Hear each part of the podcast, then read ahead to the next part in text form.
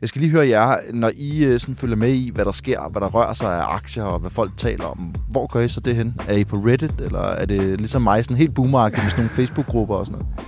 Øh, det er både på Reddit, øh, så gør jeg det på kontoret, hvor øh, jeg har en masse kolleger, som Ja, ja, der sidder og har alle mulige skærme kørende med tal, der blinker, så der, der kan man ikke undgå at høre en masse. Og jeg er stor Reddit-mand. Altså, ja. simpelthen. Det er Danmarks bedste medie, eller verdens bedste medie. Det er fordi, du elsker gossip, jo. Ja, ja. Ja. Der kommer, øh, der kommer også gossip ud fra producerrummet, simpelthen. Ja.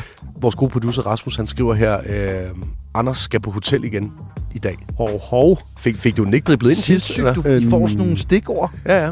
Fik Det er du den ikke driblet ind i sidste weekend, var, eller? var det en fiasko over i Malmø i Sandsjøbad, eller hvad? Øh, nej, det var fint. Det var Nå. ganske fint. Men altså, øh, da, så, så er der ligesom pause i al den tid, man er hjemme jo. så, så er du nødt til at booke noget nyt jo. Ja, så er det lige Scandic ude i Sydhavn, eller hvad, der lige skal lige ligge og køre der. Der er sgu ingen, der betaler mig for at mene noget mere. Det har jeg været vant til mange år, at der var. Store penge. Ekstrabladets finanspodcast. Kontant snak uden skjult agenda.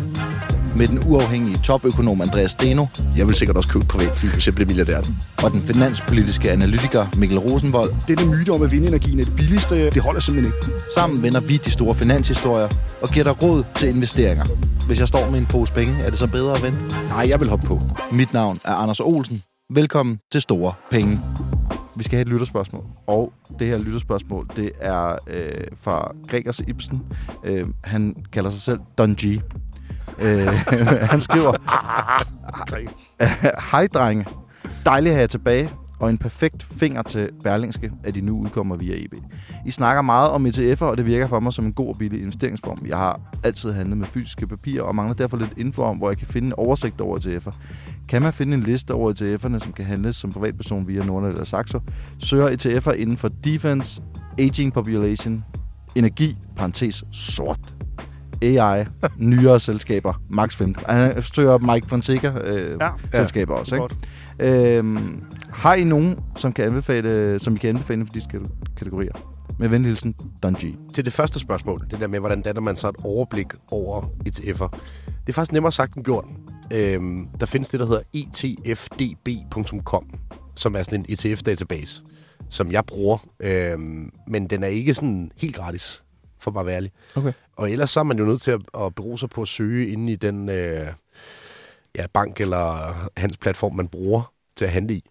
Eller Google. Altså, der er, øh, måske spørge ChatGPT, altså, det, øh, hvad, man, hvad man nu kan komme i tanke om. Men der er egentlig ikke nogen, der har lavet en eller anden nem oversigt. Øh, I hvert fald ikke mig bekendt. Netop det, du siger med at søge der, hvor man handler, det er det, sådan, en, som jeg gør. Jeg er jo ikke øh, investerer ikke nær så hyppigt, som du gør, Andreas. Så, så, så, så når jeg investerer, så er det enten, øh, enten har det været i min bank, eller, eller sådan steder som Nordnet, Saxo, sådan nogle steder der.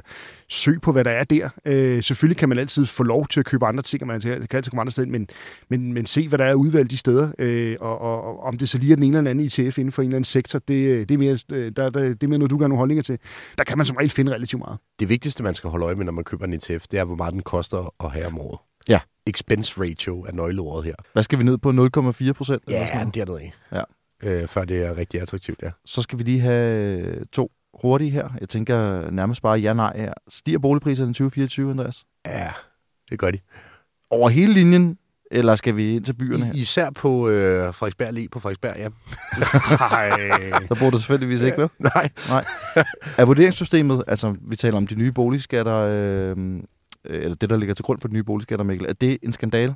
Det, det er et virkelig svært spørgsmål. Ja, det er det. det må vi sige. Velkommen til Mikkel Rosenvald, geopolitisk analytiker, en del af Steno Research, og velkommen til Andreas Steno. Du er makroøkonom og uafhængig økonom på Steno Research, som du har stiftet. Velkommen til. Tak. I dag skal vi tale rigtig meget om boligmarkedet, og det er derfor, jeg lige øh, godt kunne tænke jer at få to hurtige omkring det.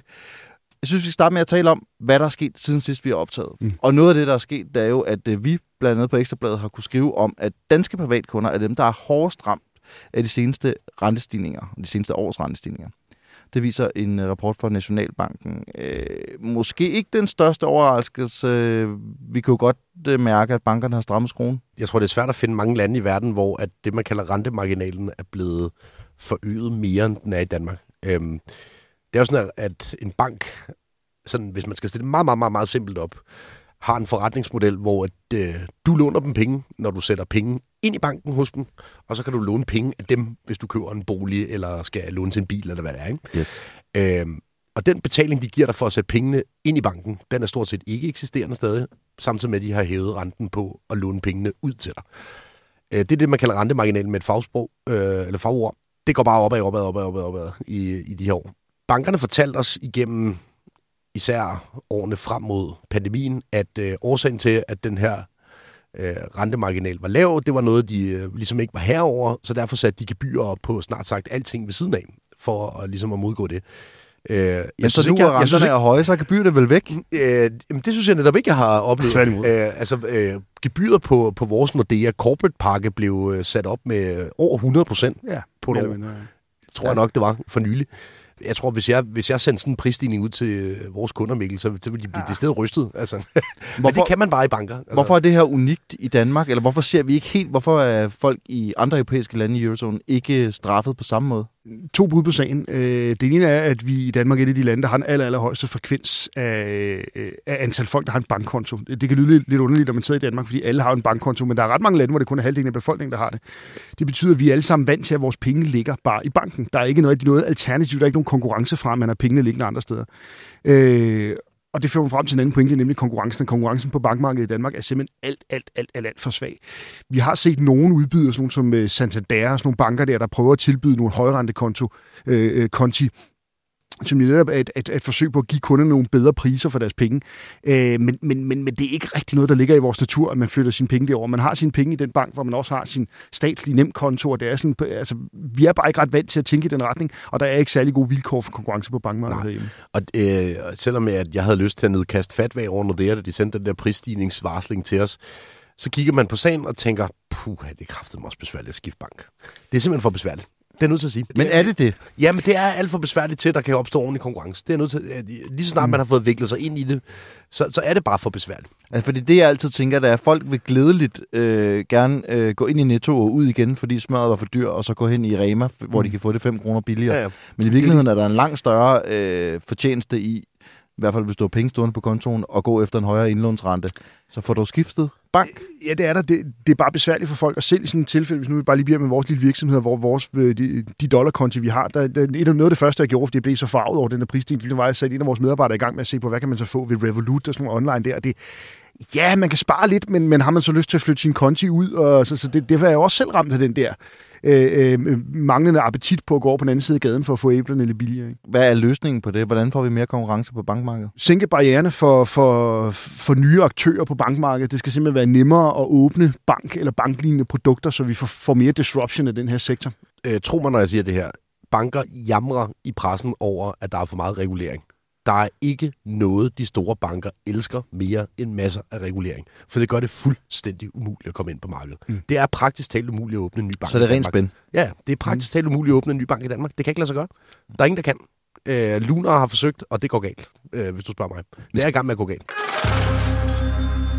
så synes jeg lige, vi skal høre et øh, lille klip. Det her det er et øh, klip fra TV2 News fra 2011, dengang øh, vores venner over på Millionærklubben også var i gang, og hvor Tom Hovgaard var et rigtig stort navn. Her fortæller han lidt om det, om at være daytrader. Fordi det netop har været så volatilt i den første uges tid, så har jeg fokuseret al min energi på at gøre det, som jeg ved, jeg gør bedst, og jeg skal jo immer væk stadigvæk smøre, der skal stadigvæk noget smør ind, så jeg kan smøre brødet. Ja, det kniver lidt med at få øh, ordene over læberne.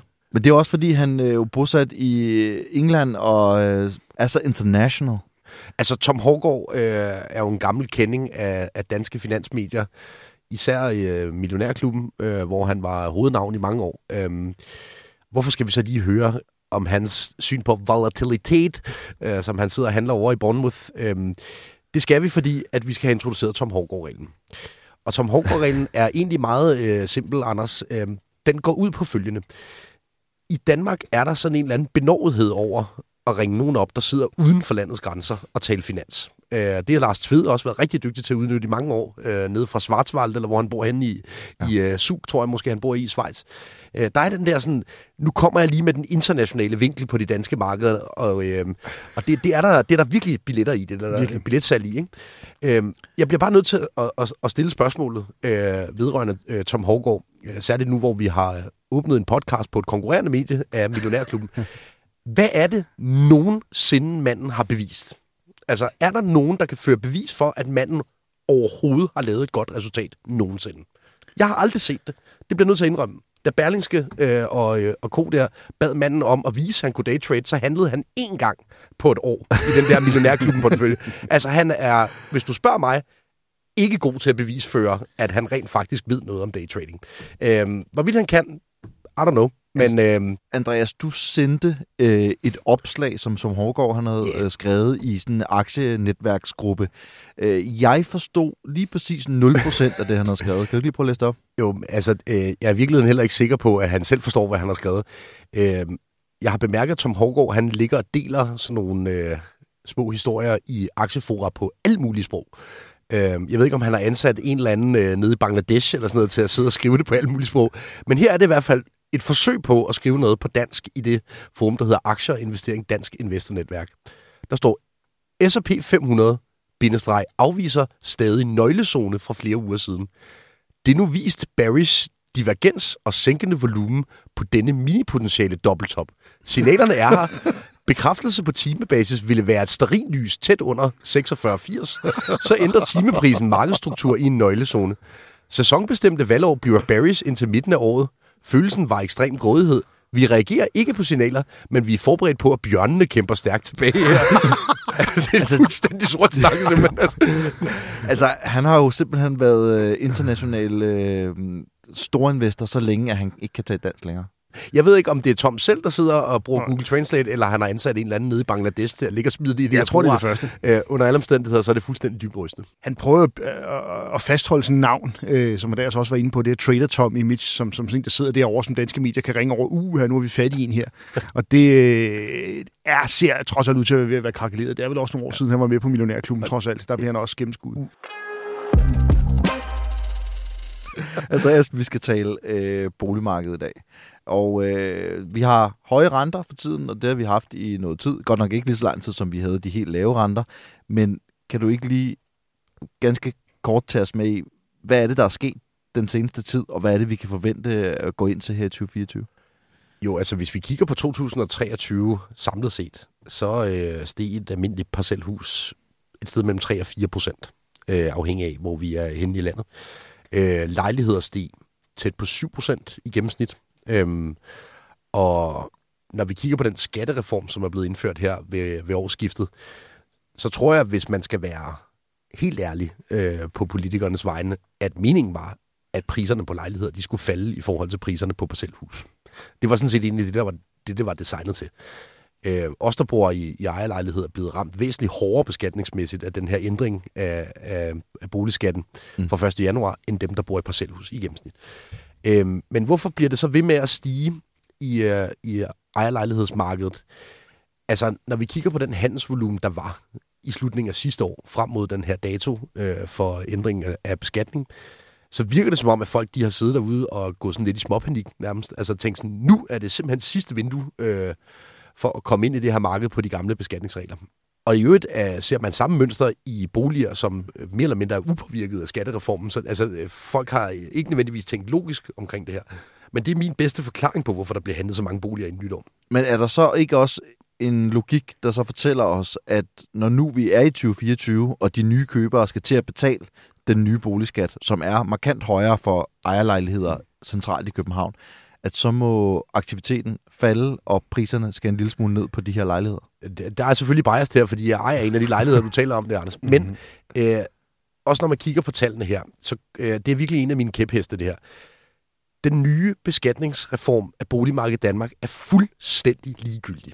Fuldstændig ligegyldig. Det betyder ikke en skid i forhold til, hvor meget du betaler i rente. Øhm, det kan godt være, at en, en ejerlejlighed som den, jeg har, er blevet øh, fire gange dyrere at holde fra et beskatningsperspektiv. Det passer meget godt. Mm. Øhm, men det er stadigvæk ligegyldigt i forhold til, hvor meget jeg betaler i rente. Og når vi ser på, hvor meget renten har bevæget sig de sidste to år, så den betaling, som falder ved at eje en bolig på Frederiksberg eller i, øh, i Frederiksstaden i København, den udvikling i renten er bare så meget vigtigere for det køb, end, end den her beskatningsreform. Øhm, så øh, grundlæggende lad være med at bekymre dig særlig meget om det. Det er meget vigtigere, hvad renten gør. Det er lidt Frederiksberg-perspektivet. Fordi, fordi hvis, hvis, hvis, hvis, du, hvis du har et hus på Falster, øh, så, så, så, ja, altså, øh, det er fuldstændig korrekt, når man har lejlighed på Madvis Allé, øh, øh, og det sådan set også korrekt for, for, for mit hus op i Allerød. Øh, knap så korrekt. Men, men, men hvis du har et hus på, øh, på, på Falster, så, så betyder beskatningen bare mere forholdsmæssigt. Øh, og, og, øh, men, men, men, men derfor giver det sådan set ret, at de effekter, jeg tror nu nok, der har været nogle effekter. Jeg tror, der er mange, der har, der, der har set det som deres snit til at komme ind på boligmarkedet og tage det skridt i, øh, øh i 2023. Men det bliver selvfølgelig overskygget af alle de andre udviklinger, og, og, og derfor i det store billede, når vi ser på, hvad, hvad forklarer de udsving, vi har set i, i, i boligmarkedet de sidste et til to år, så er renten der, vi skal kigge hen. Så, så, så langt er jeg sådan set enig.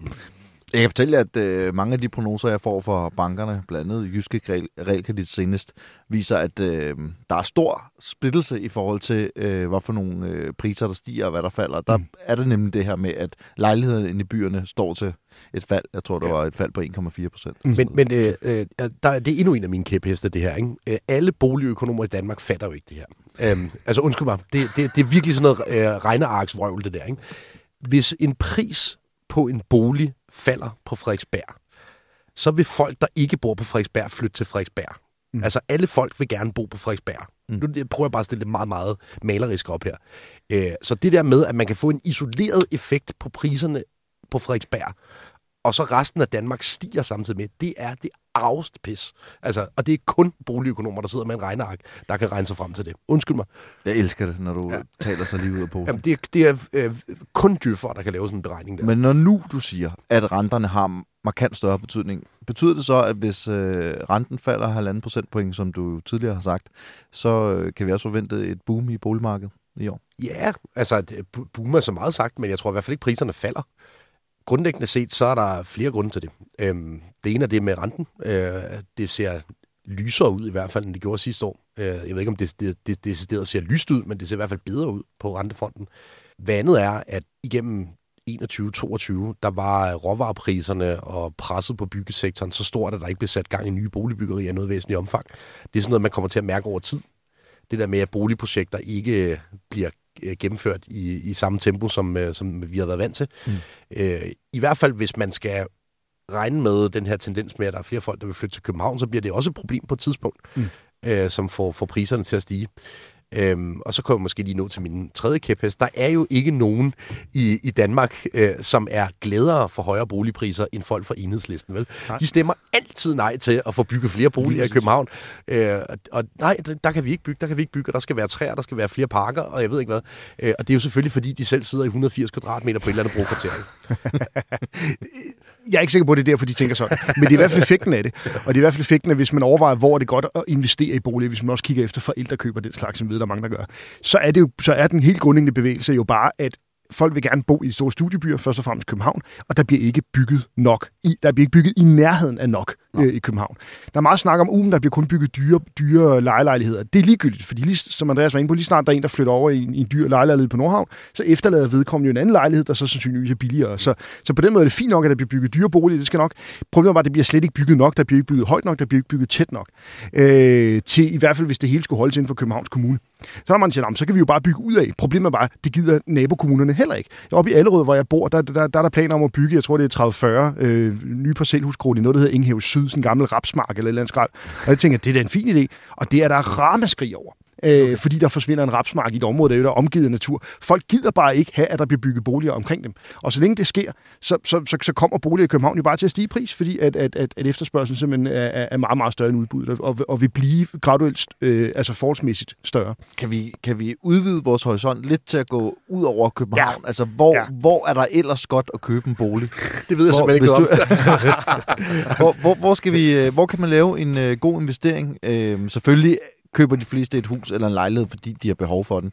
Men hvis man nu også gerne vil være sikker på ikke at tage penge på den, og gerne øh, vil tjene lidt? Øh, spøj til side. Øh, ja, det er faktisk et spørgsmål, jeg har beskæftiget mig med professionelt i en del over det der. Øh, og når man kigger på Danmark, øh, så er det interessant jo at prøve at finde ud af, hvor er det erhvervsøger hen, parret med, hvor er boligmassen mindre end det antal medarbejdere, de her erhvervsbyer prøver Så det du siger, det er, at vi skal købe noget i Kalundborg? Lige præcis det er ikke noget dårligt bud nemlig. Øh, fordi jeg skulle til at fremhæve to ting. Køb noget nede ved Femern Bælt, og købe noget deroppe, hvor at øh, Novo Nordisk bliver ved med at by, udbygge deres øh, cementologin-miner deroppe, eller hvad de hedder. altså, det er Kalundborg, Odshavet deroppe, og så... Og så øh, Rødby Havn. og så Rødby Havn, ja. Øh, det sidste vil jeg kraftigt advare folk mod. Jeg, jeg har familie i Rødby Havn, og det er et dejligt sted, øh, men, men, men der bliver ikke solgt flere boliger af den grund. Altså, det, de boliger, der skulle sælges til hus, alle de der polske jord- og betonarbejdere, de er solgt, og de bor jo alle sammen i barakker og sommerhus dernede. Øh, man prøver at lokke dem til, man har åbnet en international skole i Maribo og sådan noget, men, men øh, der kommer altså ikke til at være noget boligboom i Rødby Havn. Det tror ikke på? øh, Nej, øh, Jeg vil godt lige indskyde, jeg er jo øh, opvokset i Odshavet. Kalundborg er ikke Odshavet. Bare lige for at sige, det er to forskellige Er ting. det, er det forkert? Ja, det- det er det forkert. Det er, det, Det er, er, det er, det er i nærheden. Ah, det er Vestjylland. ikke? Ja, men du skal, du skal meget længere ud af. Men du er Nykøbing Sjælland-mand, ikke? Jo, jo, en Ja, ja, ja. ja. mand. Ja, okay. Rørvi, Rørvi mand, hvis du taler sommerhus, ikke? Ja, ja. Det er den pæne stramning af, af også her. Altså, det er det godt nok. Det må man virkelig sige. Hvis man så skal ud og have det her hus, så skal man jo, medmindre man har rigtig mange penge, også have et lån. Når jeg skal ud og optage et realkreditlån, det kan også være, at jeg bliver nødt til- at skulle tage et banklån, men hvis jeg skal have et realkreditlån, hvad er så vigtigt at være opmærksom på, Andreas? Lige, lige nu er øh, det største spørgsmål jo, vil du binde dig i 30 år til de høje renter, som vi har set igennem de sidste år her? Ikke? Jeg tror i hvert fald, hvis jeg selv skulle tage den beslutning dags dato, så vil jeg nok være tilbøjelig til at vælge et lån, som har en kortere rente end 30 år. Og det er jo ud fra en logik om, at vi i hvert fald har en vis forhåbning om, at renterne skal nedad. Omvendt så, øh, så er jeg heller ikke sikker på, at det her vindue med lavere renter kommer til at vare ved i årvis. Altså, øh, jeg har selv et 30-årigt fastforrentet lån lige nu, og jeg kunne måske egentlig godt have prøvet at shoppe nedad, men øh, jeg har ikke rigtig haft appetitten på det. Altså har du Forsøg- en lav rente eller en høj rente? først? Øh, jeg har 3% fast. Okay. Øh, jeg har det egentlig sådan, at grundlæggende så er det simpelthen så vanskeligt at forudse, hvor renten er om fem år, øh, i forhold til, hvad det har været tidligere, at det er sgu egentlig meget rart, at den bare er fast. Øh, og så ved jeg godt, at jeg lyder som sådan en eller anden øh, økonomboomer og sådan noget, men det er, det, er nogle, det er nogle gange meget rart at kende fremtiden selv. Øh, ja. Det lyder meget ikke Andreas Steno-agtigt. Ja, Ja, ja, ja. Lige på det punkt er vi meget uenige. Altså, prøver- jeg, jeg har jo... Jeg, jeg, der er lige nødt til at indføje, at øh, i, i, i en overgang i 2022, der var jeg på vippen af at gå konkurs. Altså, ja. så det, så, så, så øh, på den måde øh, bliver man jo nogle gange nødt til lige at tage nogle forholdsregler. Øh, Det er rigtigt, det er rigtigt. Det, ja. det, det kommer an på, hvad man sidder i, hvilke, hvilke ting man er ude for. Det er mere subjektivt. Personligt kan jeg har en idé om, at jeg, jeg, jeg har mere brug for penge nu, end jeg har om 25 år. Øh, så, så det gælder sådan set alt. Jeg, jeg betaler heller ikke til pension. Det er det ej, værste, jeg kunne forestille mig. nej, nej. Øh, men, øh, men, men, men det, øh, Afdrag, det er helt... Altså afdrag på øh, boliglån. det, det, det er det værste, man kan gøre. Ja, Nej, det- det, det- det, det- selvfølgelig der er det det værste, man kan det gøre. jeg Men altså, det, nej, nej, jeg vil have pengene nu, og om 30 år skal jeg nok have tjent nogle andre penge. Vi skal tale om noget helt andet, fordi i Iran og Pakistan, de er, har Det er godt nok noget at startet... det må man sige. Iran og Pakistan, de har startet deres egen krig. Øh, det var Iran, der tog øh, det første spadestik, og så er der blevet svaret igen. Kan du ikke lige, Mikkel, fortælle os, hvad det handler om? Jo. Det er ikke noget, man overhovedet skal bruge tid på som investor. Det er, det er slet ikke noget, man skal sidde og være bange for. Der er mange, der taler om, at nu bliver det til krig mellem Iran og Pakistan og regional konflikt overhovedet ikke. Det, der skete, det er, at iranerne er sådan lidt presset strategisk set. Øh, Der har været terrorangreb og det ene og det andet. Øh, Og de så så deres snit til at sende nogle missiler i hovedet på, på, på, på en, en separatistisk gruppe øh, i det område, der hedder Balukistan, som ligger lidt i Pakistan og lidt i Iran. Der er nogle øh, terrorister inde i Pakistan, som iranerne så har angrebet. Øh, det synes pakistanerne selvfølgelig var sådan lidt, øh, lidt, lidt, øh, lidt irriterende, at de angreb ind på pakistansk jord, så de gjorde bare det samme, angreb nogle øh, øh balukiske terrorister ind på iransk jord. Og så tror jeg egentlig, de lader det blive ved det. Øh, man skal huske, det selvfølgelig herhjemme vil det også vække opsigt, hvis det svenske militær pludselig sendte raketter ind over Lolland øh, for, for, for, for at angribe en rockerbase eller et eller andet. Men, men, men det er bare noget lidt andet dernede. Øh, øh begge parter ved godt, at, at, øh, at de her terrorgrupper eksisterer rundt omkring, og så angriber man dem lidt ind på hinandens territorie. Det var lidt det samme, som da amerikanerne slog Osama Bin Laden ihjel. Det var jo også inde på Pakistans territorie, og det havde de heller ikke fået lov til. De gjorde det bare, og så fandt man ud af det hen ad vejen. Det, det, er, ikke nogen, det er ikke krigshandlinger, det her. Begge parter er enige om, at, øh, øh at belukkerne dernede bryder de så ikke om, og, og, og det er dybest set det, de opnår med det her. Så skal vi lige have ugens konkurs. Lad os få din første, Andreas Steno. Nu talte vi om Tom Hårgaard, Trader Tom, som løber rundt øh, som chefhund over på stranden i Bournemouth. Min konkurs går til Berlingske koncernen. Der var skældt ud for, øh, egentlig på løbende basis, de kunne trække konkursen hver uge. Men jeg er lidt overrasket over, at det ikke har fået mere medietid. Hvor mange panelister, som Millionærklubben igennem årene har følt sig nødsaget til at hælde ud. Øh, og så tror jeg ikke, jeg kan give et større vink med en vognstang om, hvad jeg synes øh, om den liste af kvaksalver, de har haft igennem i det program. Når nu vi øh, taler Berlingskoncernen, du er ellers stor øh, Anders Krabmand, er du ikke? Anders Crab. øhm, jo, altså, jeg, jeg tror, jeg er, kommet, jeg er blevet citeret for, at øh, jeg vil være i tvivl om, at man overhovedet kunne få et limonadesal på vejen til at løbe rundt uden offentlige penge. øhm, jeg ved jeg ikke. Jeg, jeg er mere kong Richard mand på BT. Ham kan jeg faktisk skide godt lide. Øh, det er lidt en uærspost, han har trukket over. Det er i hvert fald vildt nok. Øh, nu må vi se, hvad han kan drive det til. Det er vildt nok, at man har, der var nogen, der estimerede, at de har over 6 milliarder sidevisninger om året, BT.dk. Det er vildt nok, man ikke kan skabe en forretning ud af det. Ja, det er jo klart, når... Det, det er vildt nok.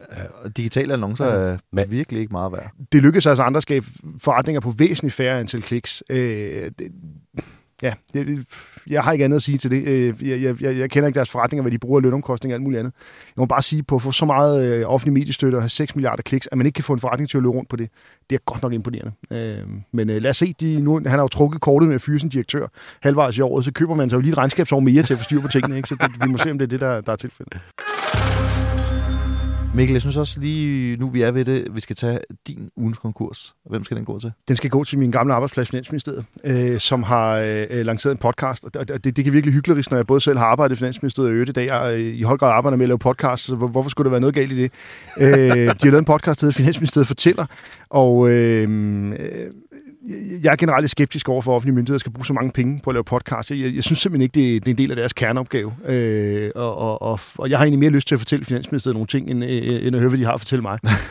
øh, og og det, det, det, det fører mig så måske over i ugens historie eller ugens rant her. Altså, der kommer rapport frem i løbet af ugen fra, fra KL, øh, som selvfølgelig er part i det her, men, men, men stadig en ret spændende rapport. Som, som, som, de synes, de får for mange opgaver. De synes, de får en hel masse opgaver. Og problemet er, at der bliver, når, når, når man i staten laver ny lovgivning, så bliver der ofte ansat en masse administrative medarbejdere i staten til det, en eller anden styrelse, Energistyrelsen, Fiskeristyrelsen, eller hvad det nu kan være. Øh, og de lægger så en hel masse opgaver ud på kommunerne, som ikke nødvendigvis får penge til det her. Øh, hvis jeg skal give et helt konkret eksempel, så sad jeg selv med det, da jeg arbejdede i, i, i Finansministeriet, det hedder Digitaliseringsstyrelsen, da vi lavede MIDI-løsningen. Øh, der vidste vi godt, at det ville, øh, det er selvfølgelig omvæltning for en masse danskere, skulle hente en ny app og alt muligt andet. Og vi vidste også godt, at der var nok en hel del, der sådan af forskellige tekniske årsager ville ende med at skulle i borgerservice. Øh, og jeg skal love for, at folk ender med, ender med at ryge borgerservice. det, øh, det, det er, der er garanteret et par stykker her om bordet, der måtte i borgerservice omkring det. Og det, det var jo en kæmpe omkostning, som staten fandt på, ved at man skulle lave et nyt MIDI, ganske vist i samarbejde med kommunerne, men som endte ude i kommunerne. De fik også nogle penge for det. Jeg var med til de der forhandlinger, jeg skal ikke gå mere ned i det. De, de kunne nok godt have fået mere, øh, vi har godt erkendt. Men det er sådan et helt konkret eksempel på, hvordan man laver nogle ting ind i staten, som, som, som rammer kommunerne rigtig, rigtig hårdt. Mikkel, lige en tilføjelse. Ja. Øh, og det handler om Finansministeriet fortæller podcasten, ikke? Mm. Øh, jeg kunne ikke lade være med, da Finansministeriets pressechef Sille Bæk Højer lagde den her nyhed på Twitter og skrev, at jeg synes, det lød som øh, en ringebrug af skattekroner. Mm. Og så skrev jeg, at der er maks et par hundrede fagnørder, som kommer til at høre det her. Øh, så dukker øh, en direktør inde hos Rode Petersen, Michael Dahl, op i mit feed og skriver, øh, du lyder som en analytiker, som ikke har forståelse for målgrupper. Hvis for eksempel 100 af lytterne er økonomiske formidlere, hvilket er lavt sat, så er det utrolig godt givet ud at lave den her podcast. Og øh, det, jeg så bliver nødt til at sende tilbage til Michael Dahl her, det er, at der står i beskrivelsen for podcasten, at podcasten er for dig, der vil vide mere om dansk økonomi, og ikke er den fødte talknuser. Så det er altså ikke til øh, formidler. Nej, nej, nej. nej. Æ, altså, han har ikke engang læst øh, beskrivelsen. Nej. Nej, nej, og, og man må også bare spørge til det, han siger, altså, er det Finansministeriets opgave at oplyse den offentlige debat? Nej, det er Finansministeriets opgave at holde styr på statens finanser, og de offentlige finanser i øvrigt. Men Mikkel, det, det koger ja. jo også sur over, udover at de får flere opgaver. Det er, at så, så bruger staten så samtidig en masse penge på administration. 2 milliarder. Lige præcis. Lige præcis. Og, og, og det fører mig frem til, til, til, til de to pointer, som jeg godt kunne tænke mig at fortælle Finansministeriet. De to ting, som sker i, offentlige, øh, i det offentlige finanser lige nu, som, som også jeres politiske journalister herinde burde bruge meget mere tid på. Den ene er, at der er, sker et skred af midler fra kommuner og regioner til staten stille og roligt, år for år, uden at der er rigtig nogen, der lægger mærke til det. Der er ikke nogen politikere, der har taget den her beslutning. Det sker bare stille og roligt år for år, via en hel masse beslutninger. Øh, det er endt med, at staten inden for et par år sandsynligvis har et større budget, øh, et større øh, udgiftsloft, som man kalder den en kommunerne, hvilket var helt uhørt for år tilbage. Mm. Der er aldrig nogen politikere, der har taget den her beslutning om, at pengene skal flyde den vej. Tværtimod taler vi hele tiden om at flytte penge til borgerne af velfærd. Og den borgerne af velfærd ligger altså primært i, i, i kommuner og regioner. Øh, så det er bare noget, der sker, fordi Finansministeriet er så stærke og ikke går imod den her bevægelse. Den anden ting, der sker, det er, som du er inde på, at der bliver ansat så vanvittigt mange administrative medarbejdere, hvad enten det er Djøffer eller HK eller hvad det er rundt omkring. Igen, det er der ikke nogen politikere, der støtter. Det sker bare, fordi Finansministeriet ikke har ordentligt styr på det.